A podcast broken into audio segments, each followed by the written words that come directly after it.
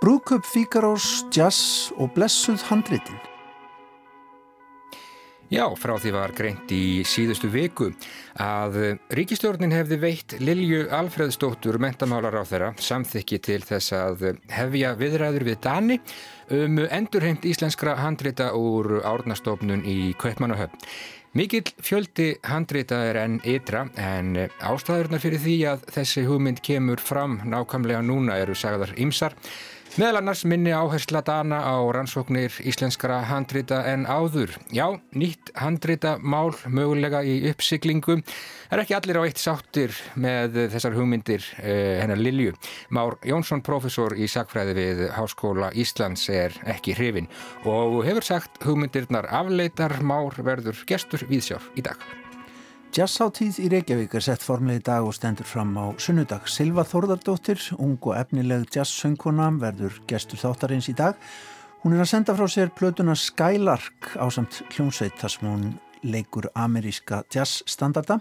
En Silva kemur fram á jazzáttíð á förstu daginn og háttíðin verður sett eins og áður saði með jazzgöngunni árlegu í dag. Við ræðum við Silvu Þorðardóttur eftir stuttastund. Já, og við ætlum líka að beina sjónum að óperunni Brúðkaupi Fíkarós eftir Wolfgang Amadeus Mozart sem íslenska óperan frumsýnir í þjóðleikúsinu á laugardag. Tveir æfintýramenn sem tengjast óperunni verða sérstaklega til umfjöllunar. Leikskáldið Pér Bómarsé sem setti fram spurningar um stjettir og forréttindi í leikriti sínu seint á átjándu öld og teksta höfundurinn Lorenzo da Ponte sem starfaði með Mozart að sköpun þessarar gaman óperu sem á sér eigað síður alvarlegan undirtón.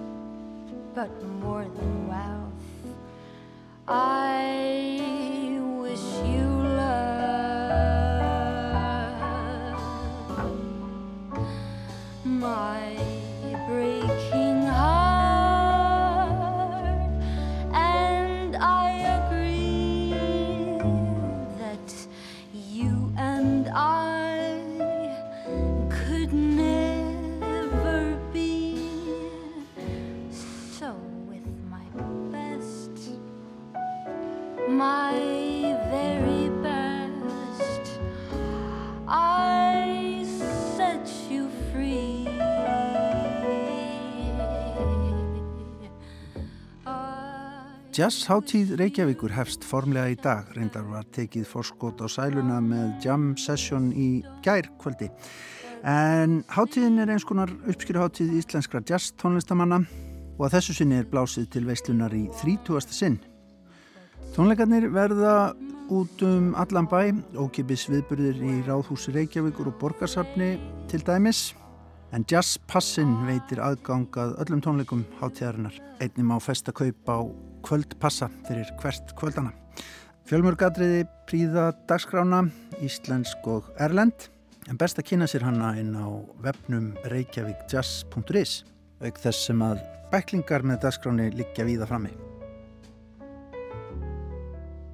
Og það er þannig í kringum jazzháttíði Reykjavík að það koma út fjölmarkar íslenskar plötur með nýjum jazzi og við hér í Víðsjá beinum sjónum að nýri rött á íslensku jazzsenunni. Það er söngkonan Silva Þorðardóttir sem nýverið gaf út plötu sem hættir að nálgast inn á streymisveitum að minnstakosti sem heitir Skylark. Það er hún að syngja ameríska standarda. Silva Þorðardóttir, velkomin í Vísjá. Sko, við erum forvitin hér um nýtt tónlistafólk og talnögjum á jazzsenunni. Hvað hérna, getur þú sagt mér af þér svona á þinni músík? Um, ég er hérna fara að gefa út plötu sem heitir Skylark. Mm. Þetta er fyrsta plata mín. Það er hérna sjöstandardar. Allir mjög fallegir, skemmtilegir, falleg ljóð, fallega melodjur. Og já, ég er svona að syngja aðalega standardar sko. Mm. Þannig að Það er ofur rosalega mikla taka Já. í þessum, þessum hérna, brjálæðislega st- stóra flotta arfi sem að amerísk tónskáld hafa skilið eftir sig, eða ekki? Hmm. Hvernig ákvastu að fara í, í jazzsöng? Stóð það alltaf til? Í, já, ætli það ekki. Þetta gerði svolítið óvart sko. Ég var hérna eitthvað uh, á fyrsta ári ment og þá var ég allt í hennu, held ég grunaði mig að ég gæti nú eitthvað sungið sko. Mm -hmm. Var samt ekki alveg viss sko. Nei. Og var eitthvað svona að reyna að samfara pappa um það sko. Og hann er alltaf hennar kontrabassalegari. Akkurat, Þorður Högnarsson. Já, og hérna og fór hérna á svona eitthvað námskeið hjá hérna Margréti Eyr Mm. og var hérna eitthvað, já, já, hvað að söngla svo bara ákvaði ég að sækja mig í FIH bara svona eiginlega smá upp á flippið sko. Ó. ég var eiginlega vissum að ég myndi ekki komast inn uh, svo bara komast ég inn og svo bara var að syngja síðan þá og sér ekki eftir því. Nei. Og þú ert nú með pappa gamla með þér í hljómsveitinni, ekki Já. satt? Hver er að fleiri? Uh, það er hérna Anna Greta Sigurdóttir á piano og Magnús Tryggvason Eliasson á trömmur. Maggi er í öðru hverju bandi þegar kemur að jazzlífinu á Íslandi. Hann á að gera hjá hann. En að spila með, með galvannum, með Þorði Baba. Það er bara gaman sko. Við erum búin að ætla að gera þetta í alveg svona smá tíma sko. Taka hennar upplutu saman. Og með akkurat hérna suma þessum lögum eru svona uppáðsvegin okkar sko. Mm Eins og til dæmis Skylarsk. Titil af blöðunar. Já. Mm. Þannig að þetta er svona, svolítið svona, platan okkar kannski, Já, smá svona fjölskyldu projekt þannig, Já. í gangi. kannski smá sko. En þú ætlar að velja fyrir okkur lag til þess að heyra hérna inn í mið, miðju viðtalsins. Segð okkur aðeins frá því hvaða, hvað er það sem þú velur. Já, hérna, það er lag sem heitir But Beautiful Mm. og já, bara fallega lag. Ef ekki heyra smá um að því. Já. Love is funny, or it's sad, or it's quiet, or it's mad. It's a good thing, or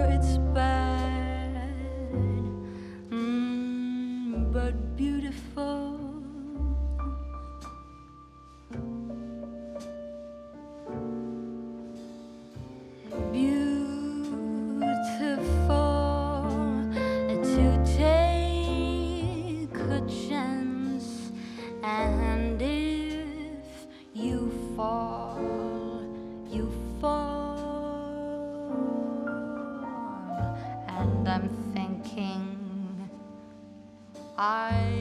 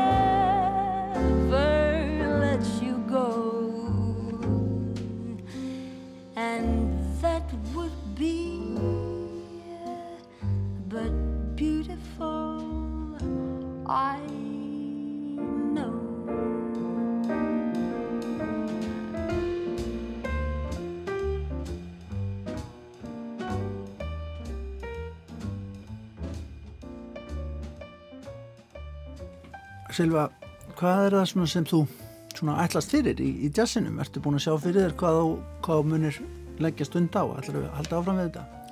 Leggja söngin alveg fyrir þig sem hérna, framtíðar já, ætlun í lífinu?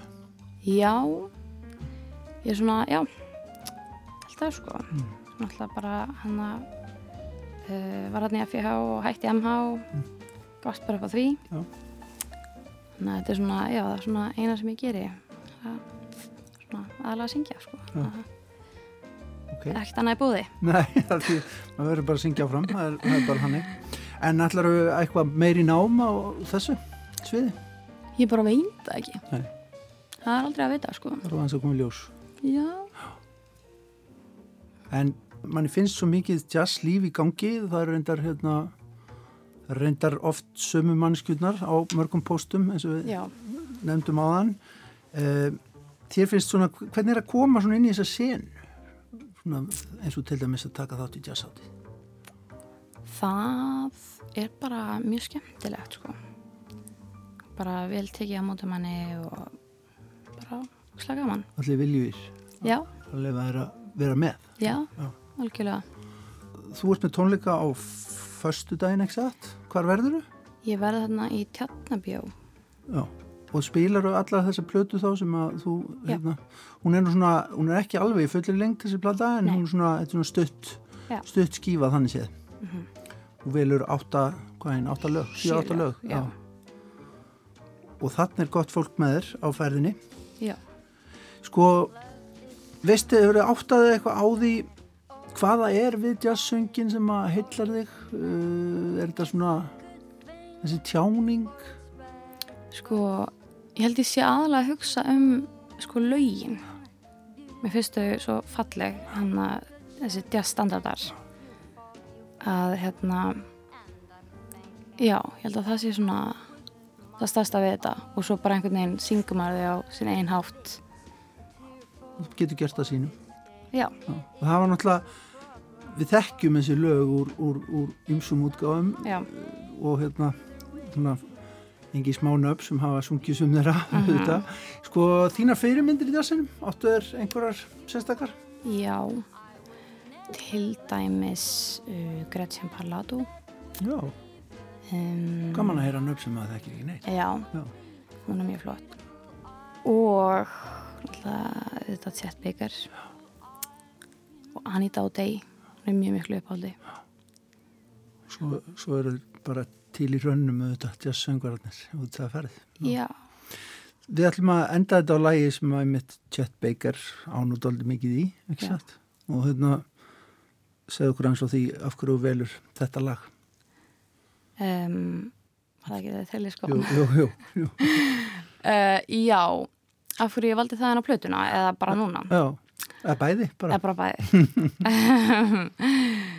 já, ég er bara, þú veist, búin að hlusta mjög mikið á það lag og finnst það bara útrúlega flott, ég hef aðalega hlustað á það samt í balluðu sko Já.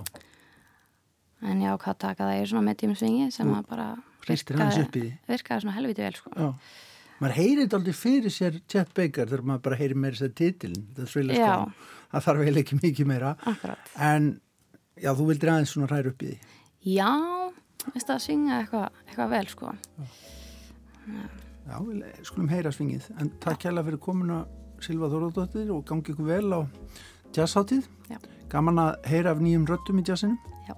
Bendum á tónleikaðinu á föstudag kvöldið. takk fyrir mig The thrill is gone. The thrill is gone. I in your eyes. I can hear it in your sighs. I feel your touch and realize the thrill is gone. The nights are cold for love is sold. Love was grand when love was new. The birds were singing, appeal to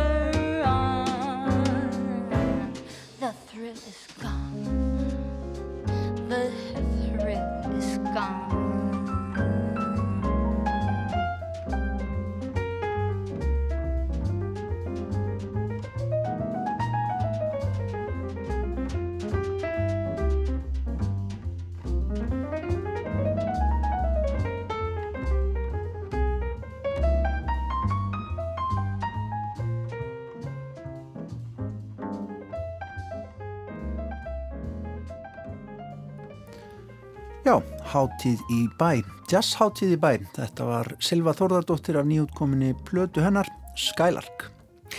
En þá ágetur hlustendur skulum við bregð okkur svo sem eins og tæp 50 ár aftur í tíman.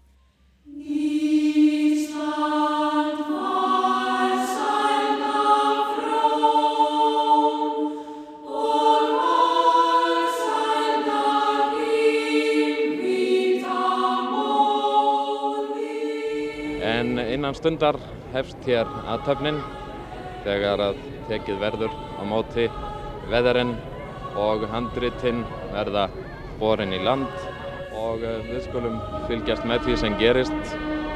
Veðarinn er nú að koma hér upp að eh, bryggjunni Já, það var mikið um dýrðir á Hafnarbakkanum í Reykjavík þann 20. og 1.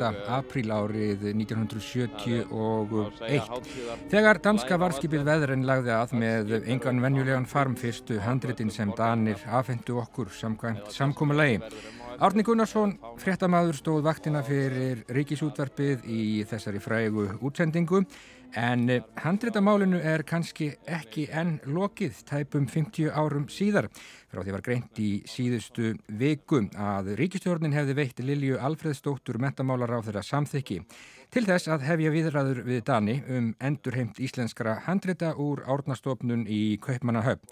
Mikill fjöldi handrita er enn ytra en ástæðurni fyrir því að þessi hugmynd kemur fram nákvæmlega núna eru sagðar ímsar meðlannas minni áhersla dana á rannsóknir íslenskara handrita en áður. Þá glittir eins og kunnugt er loksins í hús íslenskara fræða en sumum þykir að Íslandingar hafi ekki hýst menningararfin með til hlýðilegri virðingu fram til þessa.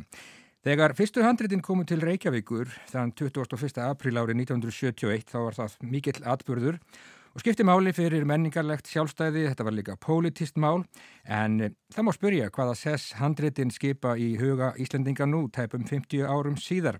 Már Jónsson, profesor í sakfræði við eh, Háskóla Íslands, hefur gaggrínt hugmyndir mentamálar á þeirra um endurheimt íslenskra handrita úr árnastofnun í Kaupmannahöfn og raunar gengi svo langt að kalla þær afleitar. Heiðruðu vínir og frændur stýr heilir á storð. Yður fagna í dag landið og þjóðin, eða eftir vill væri réttar að orða það svo, þjóðin og landið. Já, handritin eru komin aftur í umræðuna nýtt handritamál mögulega í uppsiglingu.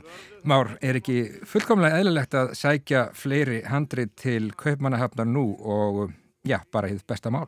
Ég sé bara engan syngar ástöður fyrir því að rifta þessu samkómulagi það, það er svona virðist liggja undir steini án þess að það sé beininis sagt að, að íslenskum stjórnvöldum uh, þykir danir ekki hafa staðis í stikkinu mm -hmm og það hefur fækka starfsfólki átnarsaps í, í, í Kaupmannahöfn. Nútíma íslenska er ekki kent hafnarháskóla lengur. Lektorstaðan lögð niður? Já, stað, það, þetta er starf rannsóknar og kjenslustarf í, í handrita fræðum með einhverjum nákvæmlega skilgringunum sem var lagt niður í sömar Já. þannig að þetta er svona, það horfir ekki vel. Það er, þegar ég var til dæmis þarna mest svona um aldamótin þá voru þarna 8-9 manns í, á fullu, Danir og aðarlega og svo Íslendingar líka og, og styrkþegar og alls konar svona, það var mm. svolítið svona stemning. Og um, nú er, hefur, þessu, hefur þetta dvína, það, það er svona, það er eins og það líkja undir þarna, sé svona undirlíkjandi en það er þó ekki almennilega sagt eða útskýrt og hugsanlega, nú veit maður það bara ekki, einhverja viðræður hafa hugsanlega þreyfingar farið fram nú þegar sem bara er ekki ofinbært eða maður veit ekki hvað, hvað er í gangi. En sem sagt þannig að svona svona utanfrá séð þá vilist þetta einhvern veginn ekki vera nógu vel raukstutt það, það, það að fá hús sem kannski verður tilbúið til þrjú ár, fjögur ár, fimm ár, hvað veit maður? Og uh, á, á að fara að keira upp eitthvað, eitthvað, eitthvað bara til þess að fá einhver nokkur handrit. Svo, veit, svo er það annar mál náttúrulega það er þarna á annað þúsund íslensk handrit í Kaupanöf mm -hmm. Uh, kannski helmingurinn í uh, eða rúmlega helmingurinn í átnarsafni hittir í konunglega bókasafninu með mestuleiti og það er hérna ægir ímsu saman, það er efna frá 17. áld, 18. áld, 19. áld mestmægnis en svona einhver, einhver hundruð skinn bóka og skinn brota og þá ver, er alveg óljóst sagt, hvað sko, hver verður óskalistin eða, mm. eða hvað er einhver sérstök handrit, hvað, hvað er sagt, í, í uppsýklingu það er ja. nú aðalega það sem mér finnst vera svona ó, mjög óljóst og þess vegna sé ég þetta sé fráleit hugmynd út frá því hvað hún er einhvern veginn hvorki raukstudd nýja útferð Óljósar hugmyndir fyrst og fremst segir þú og Já, hefur sagt uh, og segir í morgunblæðinu held ég í gæra að, að, að aukið hillupláss eitt og sér að það kalli ekki á endilega á fleiri handrit. Nei, nei, það er hægt að kaupa bækur og, og, og, og það er náttúrulega sárvantar bækur inn í landið. En um, handrita gemslur, handrit eru handrit og hand, eru eintök þannig að það er ekkit og það er nú ekkit í siðs að, að söpsi að seilast í annara manna gemslur Eh, bara á alheimsvísu, það eru, það eru svona handrit, fransk handrit, þískandrit, þessu ítölskandrit, þessu dreftum allan heim og uh, þetta er ekki, þetta, þessi afgerð hér þarna 7-8 áratögnum eh, var einstæmi, ég held að menn hafi á þeim tíma minnstakosti 71 sko hilt þetta með þess að Jón Helgarsson fórstuðum á Ráðnarsap sem var nú ekki hrifin af þessari aðgerð, hann sagði þetta er, verald, þetta er einstæmi í veraldarsögunni mm -hmm. og uh, það er ekkit sko, ég veit ekki um neitt í líkingu við það, til dæmis svíjar það þýðir ekkert að ræða við þá um svona hluti Nei. þó að Jón Eggersson hafi hér einlega stólið handritum 1680 Já. það er þeir eru þeir svara ekki svona sko. Nei, og þetta handrit víðar en, en í, í Kaupmannahöfn en það var gerður, gerður þessi samningur við Dani á sínum tíma og það hefur bara ríkt þokkalegt sátt um, um hann og þetta er sátt sem að þú vilt ekki já, rjúfa eða, eða koma að stað einhverjum, einhverjum deilum. Sko mér, mér finnist sjálfsagt að ef sagt, það er mat eh, fræðimanna, ráðamanna og að, að dansk stjórnvald sé ekki að standa sig í þessu mm -hmm. að það sé ekki nóg vel búið að sko aðstæðan þarna er frábær í Kaupanöfn, í átnarsafni í Kaupanöfn það var byggt, um, byggt voru byggt ný hús undir, undir norranna rannsóknir dansk, dansk, sænsk, norrann fræði Nordísk institutt held ég þetta heiti að fyrir eh, svona, hvað, 15-20 árum. Frábær aðstæða, frábær lestrarsalur allt til miklu betri heldur en hér átnastofnum hér. Þannig að það er ekki, skortir ekki en það er semst þetta starfsmannadæmi, semst þessi fjármögnun og starfsemni sjálfri sem hefur greinlega mingatalsvert og dreyið úr henni. Nú ef, ég kann nú ekki svona lögfræði en eitthvað stendur í þessum samningum og eitthvað þá mæntalega þó að það standi líka það er ekki að muni aldrei verða saman um þetta aftur, mm -hmm. þá er samt sagt að bæði ríkin eiga að sagt, sin, sinna þessu. Nú ef íslenskum stjórnvöldum þykir þetta ekki nógu vel gert aðni í köpuna þá finnst mér þetta eins og held ég hafi nú verið reyndi í fyrra og aftur í sömar að ræða eitthvað við og finna eitthvað snertiflut en að vera semst mér finnst svona fullánt gengi að vera að setja sko, fara að setja handriti sko, að gera kröfum það áður en full reyndir eitthvað annað. Ég, en, semst, þannig að mér finnst þetta svolítið svona, svona bratt. Já. Það bar til tíðenda í Kaupmannahöfn um hádegispil í dag að fullgiltur var með undirskrift mentamálar á þeirra Danmerkur og Íslands í umbóði þjóðhauðingja landana samningur um afhendingu íslensku handritana Það var uh, stór viðburður þegar að fyrstu handritin komu hingað í apríl árið 1971 og, og þá hafði þetta nú skiptið þetta máli fyrir þjóðina, þetta var menningarlegt, spurningum menningarlegt sjálfstæði, þetta var pólitíst mál, en kannski núna, tæpum 50 árum síðar árið 2019, sko, hvaða, hvaða sess skipa þessi handrit í, í huga þjóðarinnar nákvæmlega núna?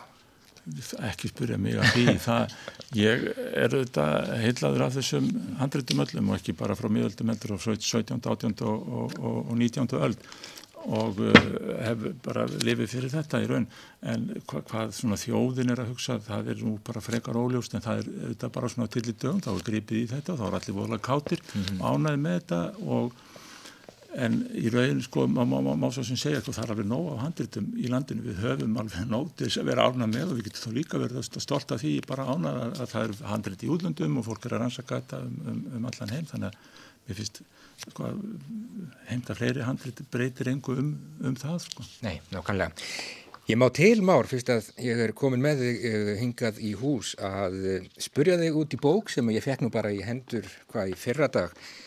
Bók sem að heitir Drauma dagbók og er eftir mann sem að hétt uh, Sæmundur Holm, 18. aldar maður og 19. aldar maður. Þú varst að, að búa þetta til prentunar og mér sínist að þú hefur gert það ansi vel. Hvaða skrutta er þetta?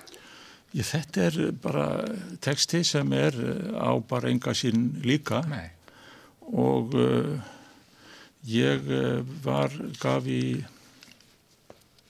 fyrra út bók um uh, texta um lýsingar á köllugósum aflegginga þeirra 17., 18., 19. öld og sá þá einhver staðar að, að sér að Sæmundur Holm sem er nú ólst upp í meðalandi og var vittni að gósinu 1760 1756 og hefði orðt um þetta mm -hmm.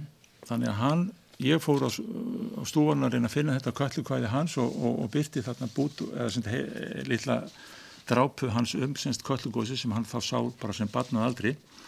Og þegar ég var að fletta þessu kvössum þá semst sé ég að, að það er með hendi Jón Sigurssonar sjálfs uh, draumar og annað eftir Sæmund Holm í litlu hefti sem er þarna og ég fer að lesa þetta og sé að þarna eru bara færslur Sæmundar. Þetta er nú virðist nú vera hreinriðt á færslum Sæmundar að það sem hann vaknar á mótnana og skrifar lítinn draun það geta verið lifandi menn, það geta verið óvinnir hans sem voru nú margir og erfiðir. Það geta verið ormar, það geta verið við verum mammas og pappi og allskyns kaupanahöfn og svo framins og þannig að þetta er sem sagt brot frá árunni 1794 síðan kom í ljós að, að eh, Gísli Konradsson hafi komist yfir einhverju tællur af einhverju sem Sæmundraði skilja eftir sig þegar hann dó 1821 í Stíkisjólmi og hann afrita það og þar eru fleiri draumar 1795 og ja, þeir yngstu bara frá 1820 rétt að hann er þannig að ég hugsaði með mér að ég nú, hef nú gaman á að gefa út texta og hugsaði bara þetta þarf að koma út. Og uh, ég svona dreif í því og, og svo skrifa ég sem sagt það bætir svona eins og efni, það eru til bref þar sem sæmundur er að rýfast við prófast, við biskup, við blæknin sem útskýrir ímislegt í draumunum, þannig ég gef það líka gef svona út úrvala því og, og skrifa svona svona nokkur rækilegan ingang að um æfi hans fram að þessum tíma. Það var, var settur í skálaskóla efnilegu piltur, er í kaupunahöfn við nám, listamæður hann er þekktastu fyrir þessar myndir af Hannesi Finnsíni, Bjarnar Sýveldsson og fleri en þarna er semst komin texti þetta er bara texti sem, og mér er ekki tekist að finna neitt sambarilegt erlendisenu sinni. Uh, í, fólk skrifar í dagbækur gerna drauma, sumir langa en svona sérstök draumadagbók sem er ein helgu draumum er, er ekki ja, til.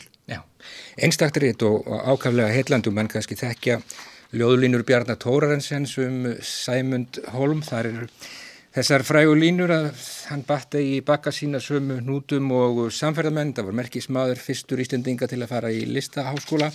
Sjón skrifar lítinn formála að þessari fallegu bók og ég held mára að, að þessi bóki eftir að um, koma nánar við sögu með einum eða öðrum hætti hér á rás eitt síðar. En ég segi takk fyrir komuna, þú vilt hafa handritin áfram úti. Ég ætla að fara heim og lesa Draumadagbók Sæmundar Holm. A candy-colored clown they call the Sandman. Tiptoes to my room every night. And Just a sprinkle stardust and a whisper Go to sleep, everything is alright I close my eyes Then I drift away into the magic night. I softly say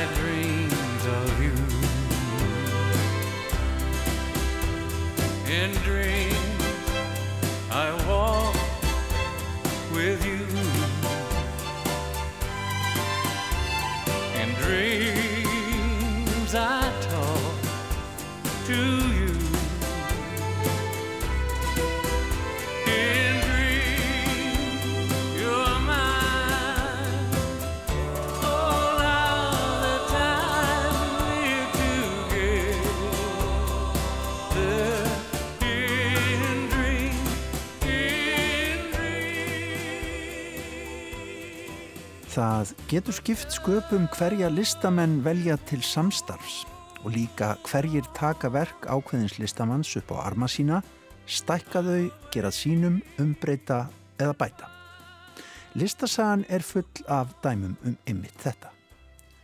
Nú stendur fyrir dyrum í musteri Íslensks leikús sjálfu þjóðlikúsinu við hverfiskötu að bjóða upp á ágætt dæmi um slíkt. Óperu uppfæsla ratar aftur á fjallinnar á stórasviðinu og ringsviðið snýst og snýst í dásanlegu tónverki sem byrjar af krafti.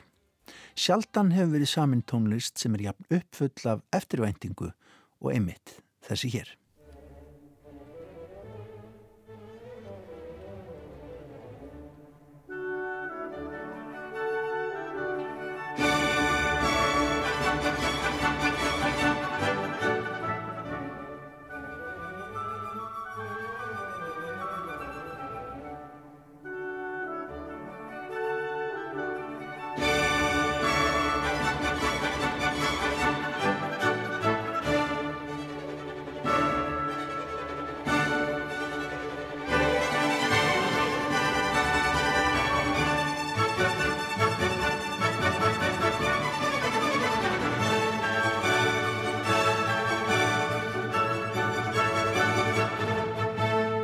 Íslenska óperan tekur til fluttningsóperuna Brúðköp Fíkarós frá árinu 1786 eftir Wolfgang Amadeus Mozart og sex síningar til viðbótar komnar í dagskrá. Þeir eru til sem að fá nostalgíu glampa í augun við þá tilhjóksun að fullburða óperusíningar komi aftur til sögunar í þjóðlikúsinu. Í það minnsta verður það merkilegt að upplifa tónlistina þar.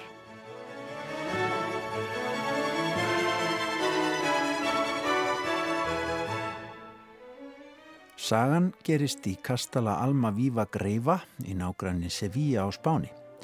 Greifin rennir hýru auga til Súsönnu sem er þjónustu stúlka einkonu hans en hún allar hins vera giftast Fígaró, þjóni Greifans. Dægin sem brúkupið á að fara fram hegst Greifin nýta sér aldagamlan herrarétt sinn til þess að sænga hjá henni á brúkupsnóttina. Allt snýst þetta síðan um að klekja á Greifanum sem á vissulega skilið að fara ítla út úr þessum málum.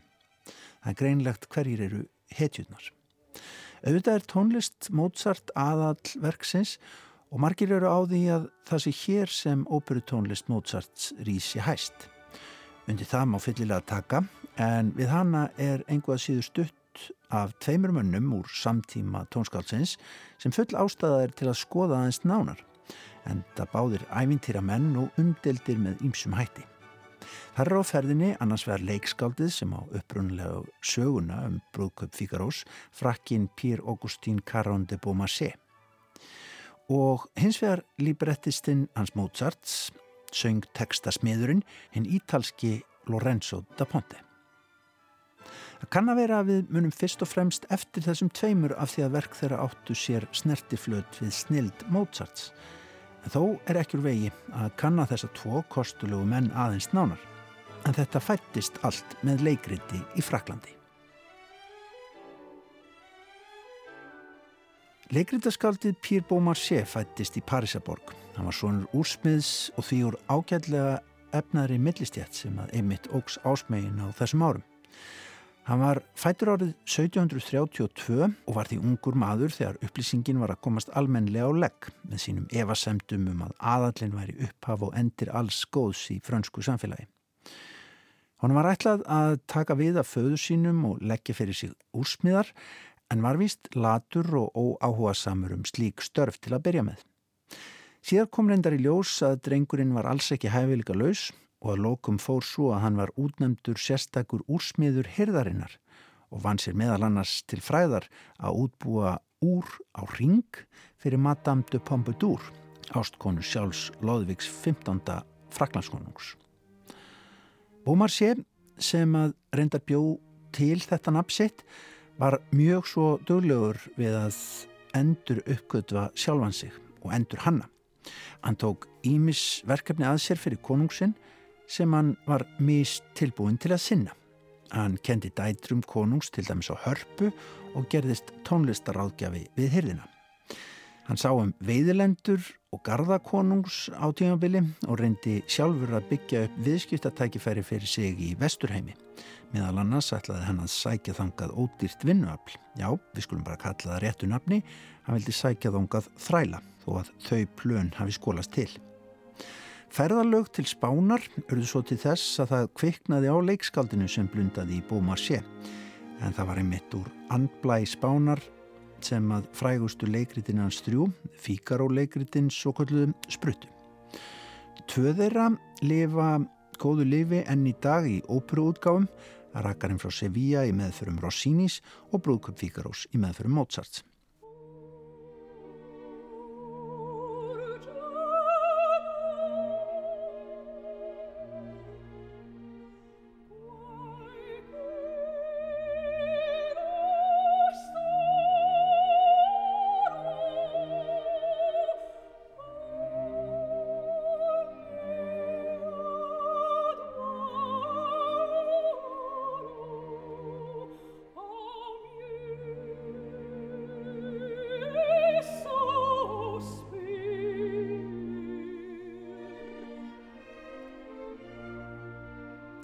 Fíkaróleikrið Bómasés þykja fyrirtagsheimildum samfélagsbreytingar sem að komu yfir Evrópu á síðari hluta átjöndu aldar.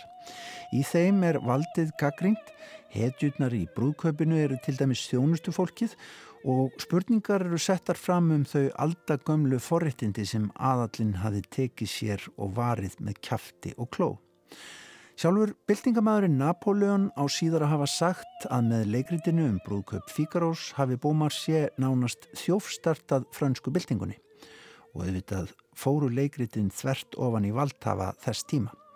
Konungurinn Lóðvík 16. á að hafa sagt að þessi maður gerði gís af öllu því sem stjórnmöld þyrtu að virða og halda í heðri.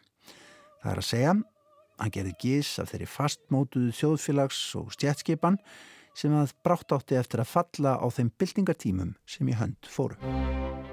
Non vedrai farfallone amoroso, notte giorno d'intorno girando, delle belle turbando il riposo, Narcisetto adoncino d'amor.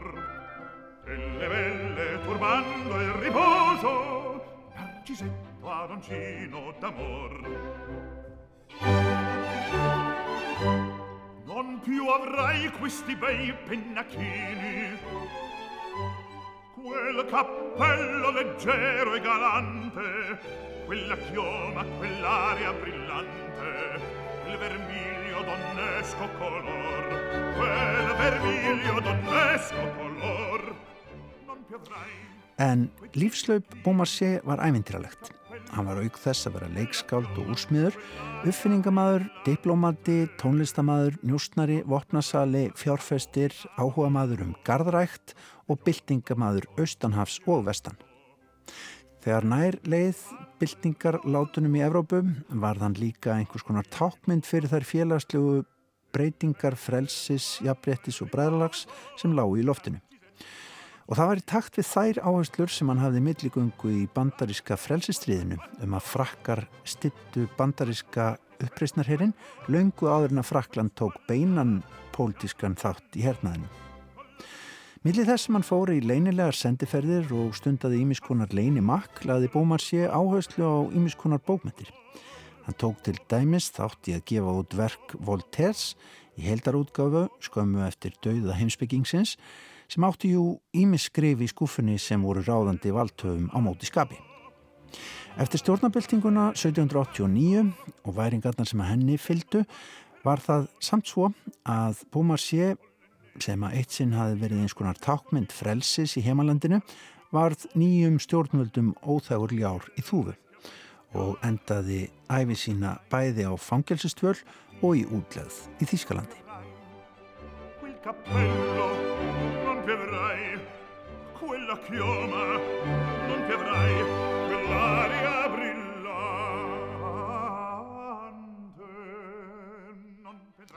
Uppfæslu sagan á leikritinu Galin dagur eða Brúköp Fíkarús eftir Bómar sé var snúin og fleiri en ein, einvaldur hafði ágjur af því að almenningur kæmist í verkið eða sæði það á fjölum leikusa. Það átti við í heimalandinum en líka í Östuríki þar sem Jósef Annar keisari réð ríkjum á tímum Mozarts. Jósef lefði samt prentun franska leikritsins En það var síðan óprutaksta höfundurinn, hinn ítalski Lorenzo da Ponte, sem að segist sjálfur hafa sannfært keisarunum að leifa honum og herra Mozart að útbúa ópuru upp úr leikritinu. Til þess saðist hann síðar hafa beitt sinni mestu kænsku og diplomasíu. Og í ópuru tekstasmiðnum Lorenzo da Ponte hittum við fyrir annan ævintiramann sem að á snertiflöt við snild Wolfgangs Amadeusar Mozarts. Da Ponte var ítalskur gýðingur frá Fenea-liðveldinu sem að tók ekki aðeins katholska trú heldur var výður sem katholskur prestur. Hann kendi síðar latínu, ítölsku og frönsku í fljótandi borginni á lóninu, The Adriahaf. Þrátt fyrir prestvíksluna og tengslinn við Guðdómin var Da Ponte gerður brottrækur frá Fenea eftir að hafa verið dæmdur fyrir frilluleipnað og það að nema heiðverðar konur á brott. Hann var þannig hálgerður mannræningi. Hann bjó í vændisúbusi í borginni og hjælt þar nokkuð syndsamleg samsæti eins og kom fram í domsorðinu þegar hann var brottrækur gerður úr Feneaborg. Frá Feneum lág leiðin til Östuríkis þar sem tónskaldið Antonio Salieri var tengilegur hansinn í listalíf Vínaborgar og þar sem hann var ráðinn sem óperu textasmiður og hafði sem slíkur nóg að gera. Hann vann að óperum með Salieri, spænska tónskaldinu Vincente Martín Isoler og loks stráknum sem að virkaði á uppleið Wolfgang Amadeus Mozart. Það var vist Mozart sem að bryttaði upp á því að þeir innu saman að brúköpi Fíkarós tækju leikrit Bóma Sers upp á arma sína og þetta átti eftir að verða fyrsta af þremur da Ponte óperum Mozarts og eftir fylgdu Don Giovanni og Cosi van Tutte. Lorenzo da Ponte var lungin við að aðlega verk annara fyrir óperusviðið og dró hæfilega úr stjættabaráttu áherslunni í leikriti Bómar Sés og kryttaði jafnframt á móti með samskiptum kynjana og það er auðvitað alltaf spennandi á óperusviði. Síðar eftir að velgjörðamæðurinn Jósef Annar dó og svo árið síðar Wolfgang Amadeus Mozart vanda Ponte sem tekstasmiður í London en endaði loks æfi sína sem bandargemæður setti til dæmis upp Don Giovanni í fyrsta sinn í New York og ritaði æfintýralega æfisögu sína árið 1807. Hann dó hins vegar ekki fyrir enn 1838 og hafði þá meðal annars settarlaginnar fyrsta sérstaklega byggða óperuhúsið Vestanhafs, Ítalska óperuhúsið svo kallaða í New York. Það æfintýri fór snarlega hausinn en lagði hins vegar grunna því glæsilega óperustarfi sem ennfer fram í borginni.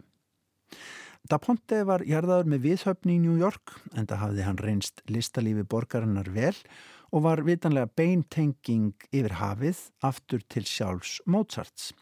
Tekstahöfundur þryggja meistaraverka úr smiðju tónskálsins og mikilvægur í samstarfi sem að flestir er þó samála um að hafi einmitt risið hæst strax í upphafi í fyrstu tilrun með brúköpi Fíkarós.